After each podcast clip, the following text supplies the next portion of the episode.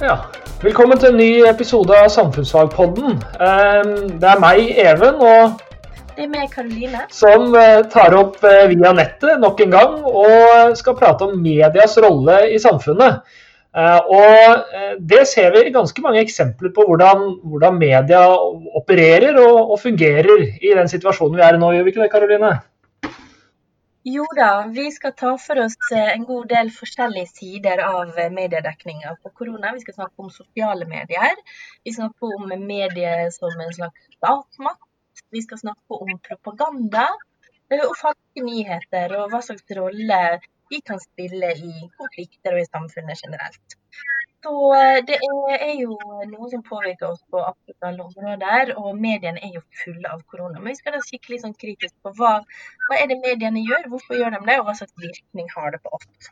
Så hvis vi begynner med de tradisjonelle mediene, så eh, har jo de vært eh, veldig nyttige når det gjelder å få informasjon. Og her er jo informasjon som forandrer seg fra dag til dag, og det å få informasjon om retningslinjer og sånne ting har jo vært kjempeviktig. Eh, vanligvis så får jo mediene kritikk hvis de bare er liksom det som blir kalt mikrofonstativ for myndighetene. For mediene sin rolle er å skulle være også kritiske mot myndighetene. Det er derfor de blir kalt eh, den fjerde statsmakt ofte i statsvitenskapen. Eh, de skal være der som en sånn vaktbikkje og passe på når de andre i maktfordelingslaget, Stortinget, regjeringa, domstolene, eh, hvis de går litt utenfor sine rammer. Men i denne situasjonen her så har ikke det vært så mye kritikk, men litt mer informasjon. Hva, hva tenker du om det? Ja, det, det, jo, altså, eh, det ser vi jo ganske tydelig den situasjonen her. og Det er jo også noe av målet vårt med podkasten, kanskje, å, å, diskutere det i den sammenhengen vi nå sitter i, og sånn samfunnet vårt fungerer akkurat nå. Men også se på det, hvordan det fungerer i, i en vanlig situasjon. og Da vil jo media som fjerde statsmann, som, som liksom den kritiske røsta, være veldig viktig. Um, og det, det, har vi sett i, i, i mange tilfeller. Uh, og så ser man at i krisetid så uh, ser vi gjerne at mediene går over i en eller annen sånn type informasjonsrolle, og en rolle der hvor de kanskje ikke er så, uh, så på. Det så vi under 22.07, men i etterkant av 22.07 så så vi at mediene var ganske kritiske, og har vært ganske kritiske til måten vi var forberedt på en sånn type situasjon. Det kommer vi sikkert til å se nå også, at mediene nå har et veldig sånn informasjonsfokus, der hvor målet er å på en måte viderebringe informasjon fra myndighetene. Og så når vi nå eh, kommer ut igjen på andre sida av koronapandemien, så vil vi mest sannsynlig se at media går over i en mye mer kritisk, kritisk rolle. Um, og vil da se på hvordan vi behandla situasjonen, og hva, hva som ble gjort og ikke gjort. Et sånt helt konkret eksempel på en ting som er media kanskje burde kritisert mer, eller som media i en vanlig situasjon ville kritisert ganske, eller gått ganske hardt inn i, er jo når, når man eh, kom med disse fullmaktslovene, der hvor man at, mm. at regjeringa skulle få veldig mange fullmakter. Dvs. Si at regjeringa kunne bestemme veldig mye uten at Stortinget kunne gjøre noe med det. Eh, I en vanlig situasjon og et sånt forslag hadde kommet, så hadde det blitt eh, full ståhei i, i mediene, for å si det sånn. Eh, men i den situasjonen vi er i nå, så, så fungerte det Så, så var det egentlig mild kritikk, da, kan man kanskje si. Altså Det blei jo problematisert, men ikke, ikke, veldig hardt. Ja, og grunnen til det her, det er vel at vi er i liksom en kritisk fase nå. Vi, vi, er i en situasjon, en krisesituasjon, og da vil kritisk journalistikk kanskje kunne skape en uro som vi ikke har bruk for akkurat nå. Mm. For nå trenger vi samhold. Vi trenger at folk gjør som de blir fortalt. Det er jo en av altså, Vi har jo klart å dempe smitta nå fordi folk har vært veldig flinke til sosial distansering. Så hadde man vært mer kritisk kanskje til de tiltakene, så kan vi kanskje tenke oss at folk hadde tenkt å ja, men det her eh, trenger ikke vi å, å forholde oss mm. til. Um, så um, det er noe med den at mediene har fått en rolle i å litt sånn ansvar da, for å bevare roen. Og vi så jo eh, NRK hadde et debattprogram ganske tidlig i smittespredninga, der de ga, lot en litt sånn kritisk lege eh, slippe ganske heftig til. Eh, og hun eh, kom med noen litt sånn dystre tall og kom med kritikk av regjeringa sin håndtering av det her. Og det vakte store reaksjoner. Hvorfor tror du du gjorde det? Jo, jeg tror du gjorde det fordi at det, det var en sånn eh, Altså, vi, vi vi ønska ikke på det tidspunktet at folk skulle få panikk. Eh, og så Samtidig så var man i en veldig usikker situasjon. Det kommenterte vi også i tidligere podkaster. At eh, nå viser det seg at tiltaket har fungert. Eh, I hvert fall så langt. Eh, og da kan man på en måte si sånn Ja, det var bra jobba av regjeringa. Men i utgangspunktet så visste man jo ikke. Eh, altså, vi har ikke hatt en pandemi i Norge før. Vi vet at sosial distansering har en funksjon. Vi vet ikke hvor godt det fungerer. Eh, og når man da får veldig sterk kritikk mot det som på en måte blir retninga man velger, så vil det kunne svekke eh, gjennomføringa av den retninga. Og jeg tror det er noe av den der reaksjonen som kom etter at denne OUS-forskeren eh, Gunhild Alvik Nyborg fikk slippe til med ganske sterk kritikk av regjeringa og av, av norske helsemyndigheter. Samtidig så kom jo hun med noen påstander som, som på en måte, Hun kom med kritikk som ikke fikk eh, der hvor de ikke fikk lov til å, å, besvare kritikken også. Så Det er jo en annen side her også. Medias eh, ansvar til å slippe til alle sider i en sak. og eh, Blant annet så, så hadde hun en ganske kreativ bruk av, eh, bruk av statistikk fra, fra, Italia, der hvor hun på den ene sida bruker eh, sier at det antageligvis er veldig mange eh, som ikke er registrert smitta, som er smitta. Og samtidig så bruker hun dødsraten på dødsraten i Italia regner om i norske forhold, eh, noe som blir feil. Eh, så ja, heldigvis så viste det at det, det, var feil, for det var snakk om også hvor mange hver enkelt person smitta. Ja, og det var også et interessant, det var ganske interessant. Folk ble veldig opptatt av hvordan man skal lese statistikk. Mm. da. Så det kom jo, det var noen som faktasjekka alt hun gjorde. Nei, det var vel han programlederen som, som gjorde en faktasjekk på alt hun hadde sagt. Og gikk da gjennom hvordan man skulle lese statistikk riktig. og Det går an å sammenligne epler og pærer. sånn ser at det ikke kan bare oversette tallene direkte fra italienske forhold til norske forhold. Så det er jo mye god samfunnskunnskap i det. Men ja, så derfor ble det liksom sånn at uh, mediene sin, sin funksjon om å skape debatt og etablere det rådene ble faktisk uh, til litt til siden. Men som du sier, så kommer jo tilbake. Og en ting som, som ikke har stoppet, er at vi ser jo mye kritikk av f.eks. Trump sin håndtering. Vi ser en del kritikk av Sveriges håndtering mm. her hjemme, men det, har vel ikke den store uroskapende effekten. ikke sant? Så det er tryggere å kritisere det. Um, en annen side med noe som, skjer, som har skjedd i mediene, er jo det med sosiale medier. og Det har jo da fått navnet den femte statsmakt. Eh, det er jo ikke inf ren informasjon, sånn som eh, mediene. Og det er heller ikke hva man skal si det, det er ikke en, eh, en, debattkanal på samme måte heller. Men det er noen som sier at det har en sånn aksjonsfunksjon der det er veldig lett å hive seg på kampanjer og trykke like, dele. Og det er kanskje ikke stedet for dyp refleksjon. og ja, det er liksom kampanjebasert måte å påvirke folk på. Og det så vi også i starten at sosiale mediene ble brukt mye til å for det første henge ut folk som hamstra. Kanskje noen som husker det? Det var bilder av folk med fulle handlevogner, og, og vi oppga oss, og vi delte, og vi var sinte og forarga. Mm. Eh, men hva, hva, gjør det med oss eh, når vi holder på på den måten på sosiale medier? Hva, hva tenker du om det? Det gir oss det, vi, vi, blir jo på en måte den verste sida av oss selv. fordi at eh, vi eh, ender jo opp med å kritisere uten å nødvendigvis vite hva som er bakgrunnen. Det kan hende at den personen du tok bilde av på butikken med full handlevogn, handla til en person eller til en familie som nå kom hjem fra utenlandsreise og skulle sitte to uker i Eh, i isolasjon. Eh, sånn sett så, så, så, er det ikke nødvendigvis sånn at er full handlevogn betyr at du hamstrer. Eh, det kan også hende at det var en veldig stor familie som handla ukeshandel. til og med jeg som bor sammen med en annen person, handler ganske mye på mandager når vi handler for en hel uke. Så Eh, så vi, vi, blir litt sånn eh, ukritiske. Eh, og Det sier også en som heter Petter Brandtzæg i, i, et debattinnlegg om, om, nettopp sosiale medier, hvor han skriver at informasjonsspredning av rykter og falske nyheter er en alvorlig helsemessig trussel. Derfor er det viktig at helsemyndighetene bidrar til klar og tydelig informasjon til, til befolkningen, og falsk informasjon motgås. Og Det han peker på her, er jo at vi er på en måte vår egen redaktør da, på sosiale medier. Så jeg jeg gjør en vurdering av mine kilder eh, til det jeg legger ut. Eh, og hvis jeg dropper det, så, så, vil jeg kunne spre ting som ikke er riktige eller eller som ikke, ikke har som, som, som, kan være farlig for folk. Um, og der er jo mediene er jo uh, bundet av en, uh, av, en, uh, av på en måte en, et krav om at de skal imøtegå kildene sine og sjekke at det er i orden. Vi har ikke en Vær varsom-plakat for oss vanlige folk, ikke sant? Så, men kanskje vi skulle være litt mer varsomme før vi henger oss på. For det er jo, mm. altså, sosiale medier har blitt kalt en offentlig gapestokk, rett og slett. Mm.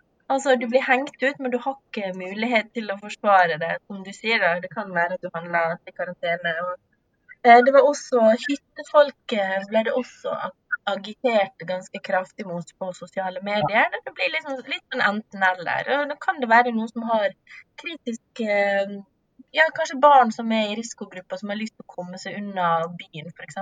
Altså, Eh, men de blir da hengt ut som entydig slemme. Eh, så ja. Eh, sosiale medier er, kan være problematisk. Og som du sier, så det redaktøransvaret. Hvor skal det ligge?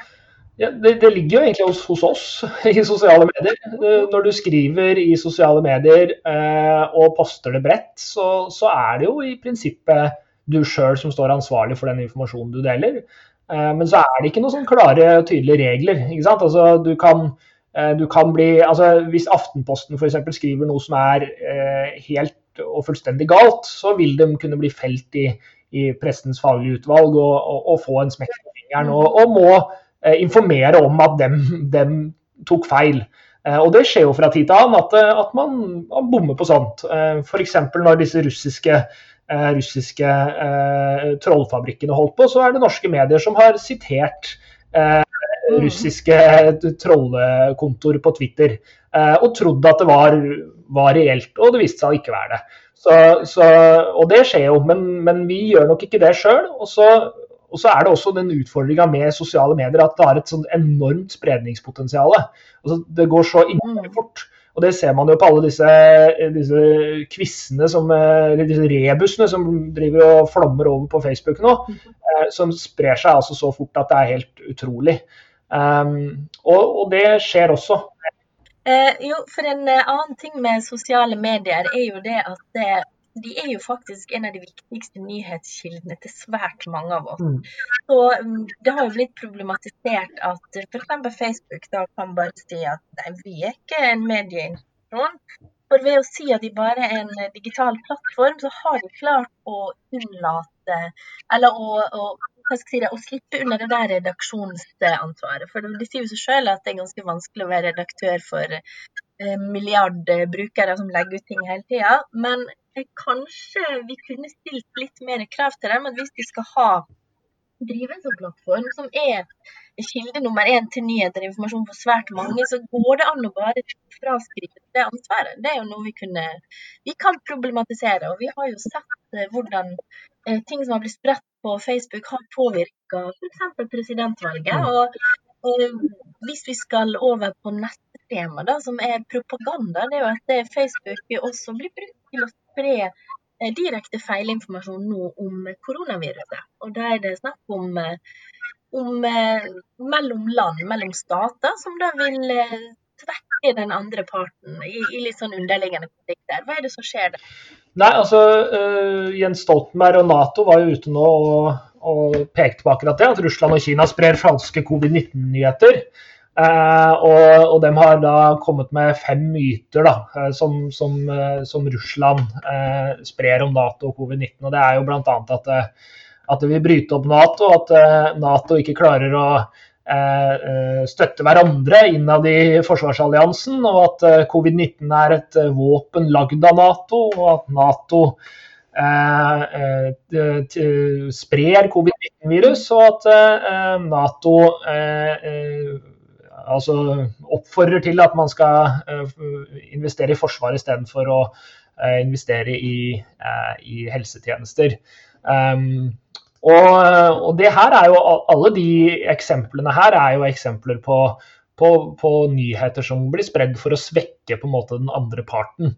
Eh, og så kan man jo kanskje også lese Jens Stoltenberg og Natos utspill eh, som en type eh, ja, kanskje ikke propaganda, eller det er kanskje også propaganda, for det er jo også en måte å, å hva skal man si, bygge ned Russlands eh, troverdighet, da, på sett og vis. Eh, og det, det, er på en måte et tilsvar sånn sett. Og, og, og begge deler, både på en måte om Russland sprer disse nyhetene eh, bevisst, så, så, vil jo det være eh, et propagandatrekk, på en måte. Og så vil man kanskje se på kunne se på denne, dette, denne uttalelsen fra Nato som et type propagandatrekk i andre retningen igjen.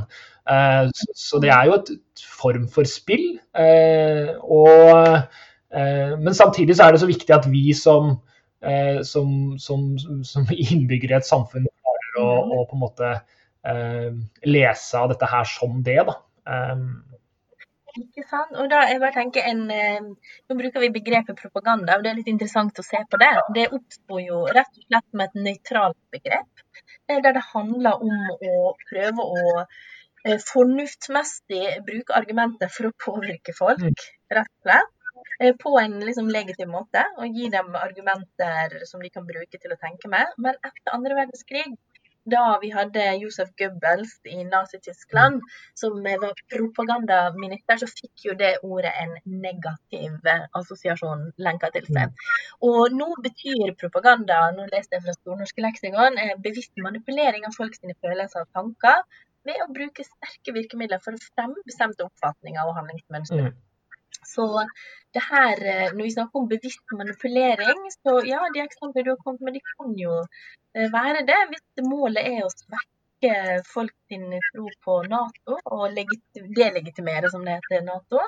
så er jo det for å få folk til å tenke det, da. Og Trump har jo også nå blitt beskyldt for å drive med propaganda. Eh, igjen så amerikanske nyheter Eh, har jo vært viktig for å gi informasjon til folk. Og det er et mye større land. ikke sant? Kanskje vanskeligere å få alle til å gjøre det samme der. Men eh, der har jo nyhet, eh, eller altså journalister kommet med en del kritikk mot Trump. Og det vil nå jeg påstå er berettiget, for han har jo vridd på både fakta og han åpner jo med å kalle korona for fake news, vel, som eh, han mente var propaganda fra demokratene sine side for å svekke ham. da.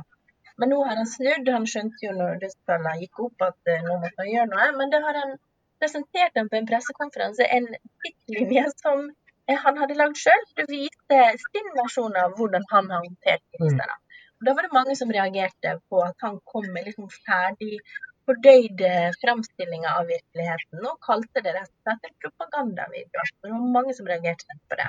Hvorfor reagerer de så sterkt på det, tror du?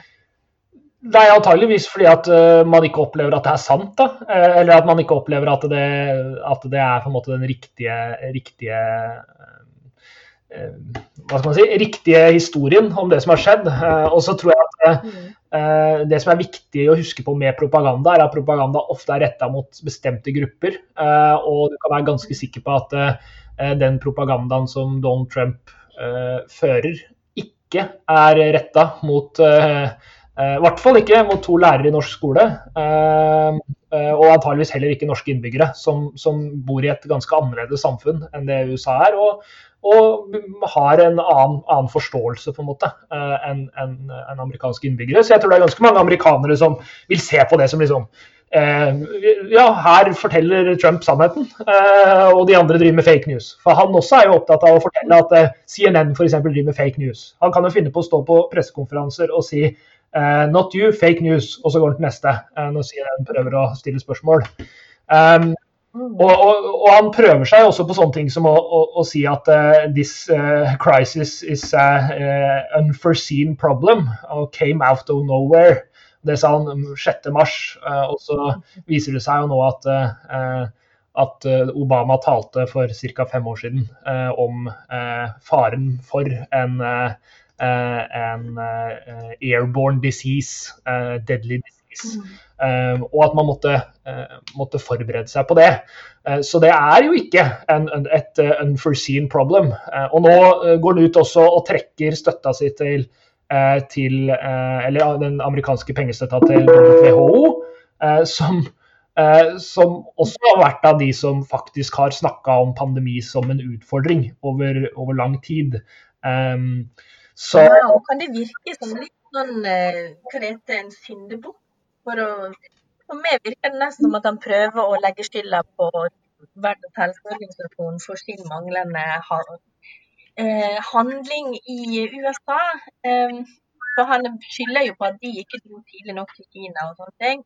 Så igjen så ser det ut som han prøver liksom å styre hvilken fortelling vi sitter igjen med da, om, om, det, hans håndtering av koronakrisen i USA.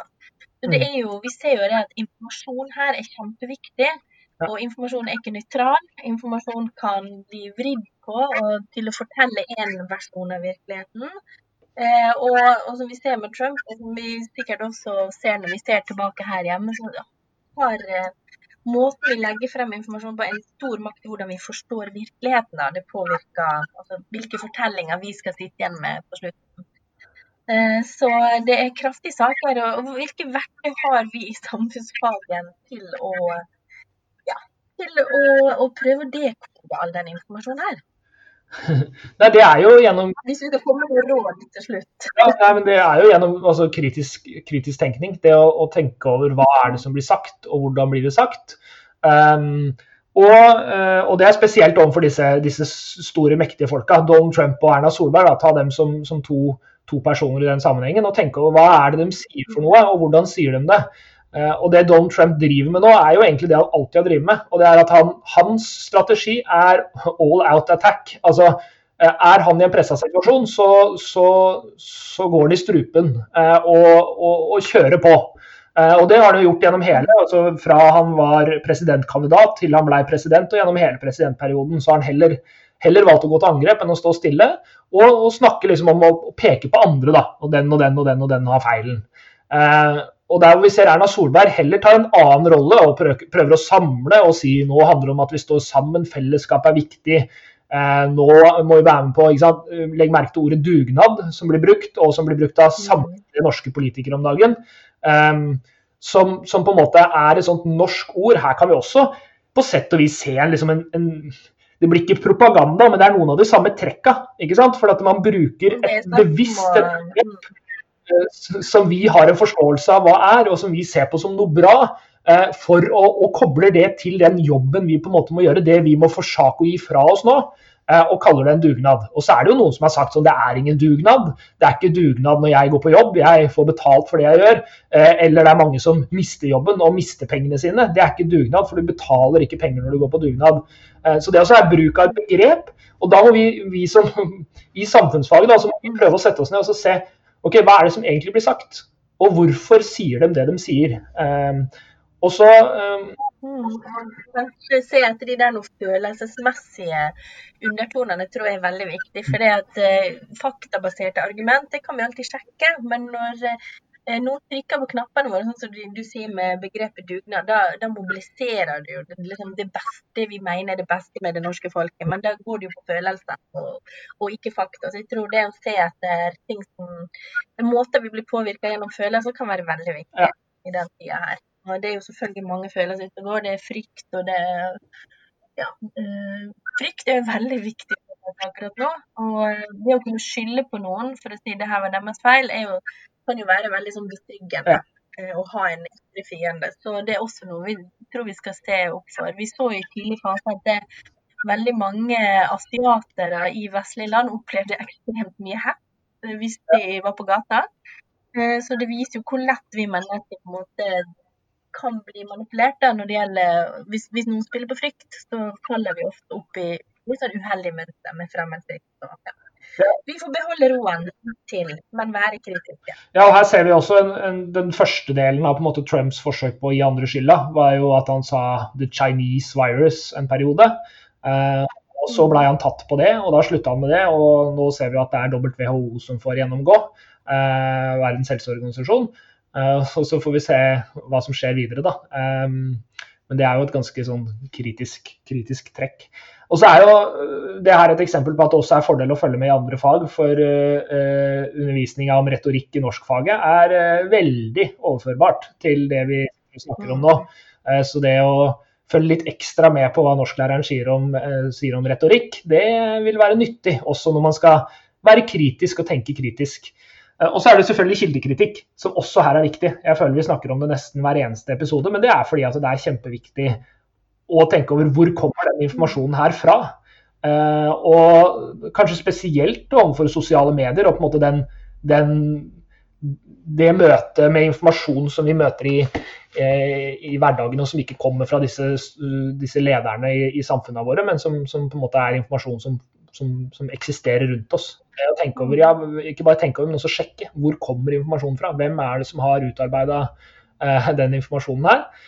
Det er jo kjempe, kjempe, kjempeviktig. Um, og jeg tror det blir ja, når det gjelder sosiale medier, så også stille spørsmål er det her virkelig så enkelt. For vi, ting blir veldig ofte framstilt som veldig svart-hvitt eller veldig enkelt på sosiale medier, der folk enten er, er fæle hamstrere eller kjempegode dugnadsarbeidere. Så det å stille litt spørsmål til det der noe litt enkle framstillingene og se etter nyanser, det tror jeg kan også være veldig smart, når du ikke har sånn direkte fakta å forholde deg til. Ja, definitivt. Definitivt. Og så bare sånn uh, Avslutningsvis så, så, må vi jo uh, nevne Facebook sin, sin, sitt svar da, til denne kritikken. Og, og De mener at de begrenser feilinformasjon og skadelig innhold uh, ved å fjerne, fjerne, feilinformasjon som kan utgjøre fare for folks helse. Eh, og så er det faktisk sånn at WHO har fått gratis annonsering på Facebook i, i den perioden her.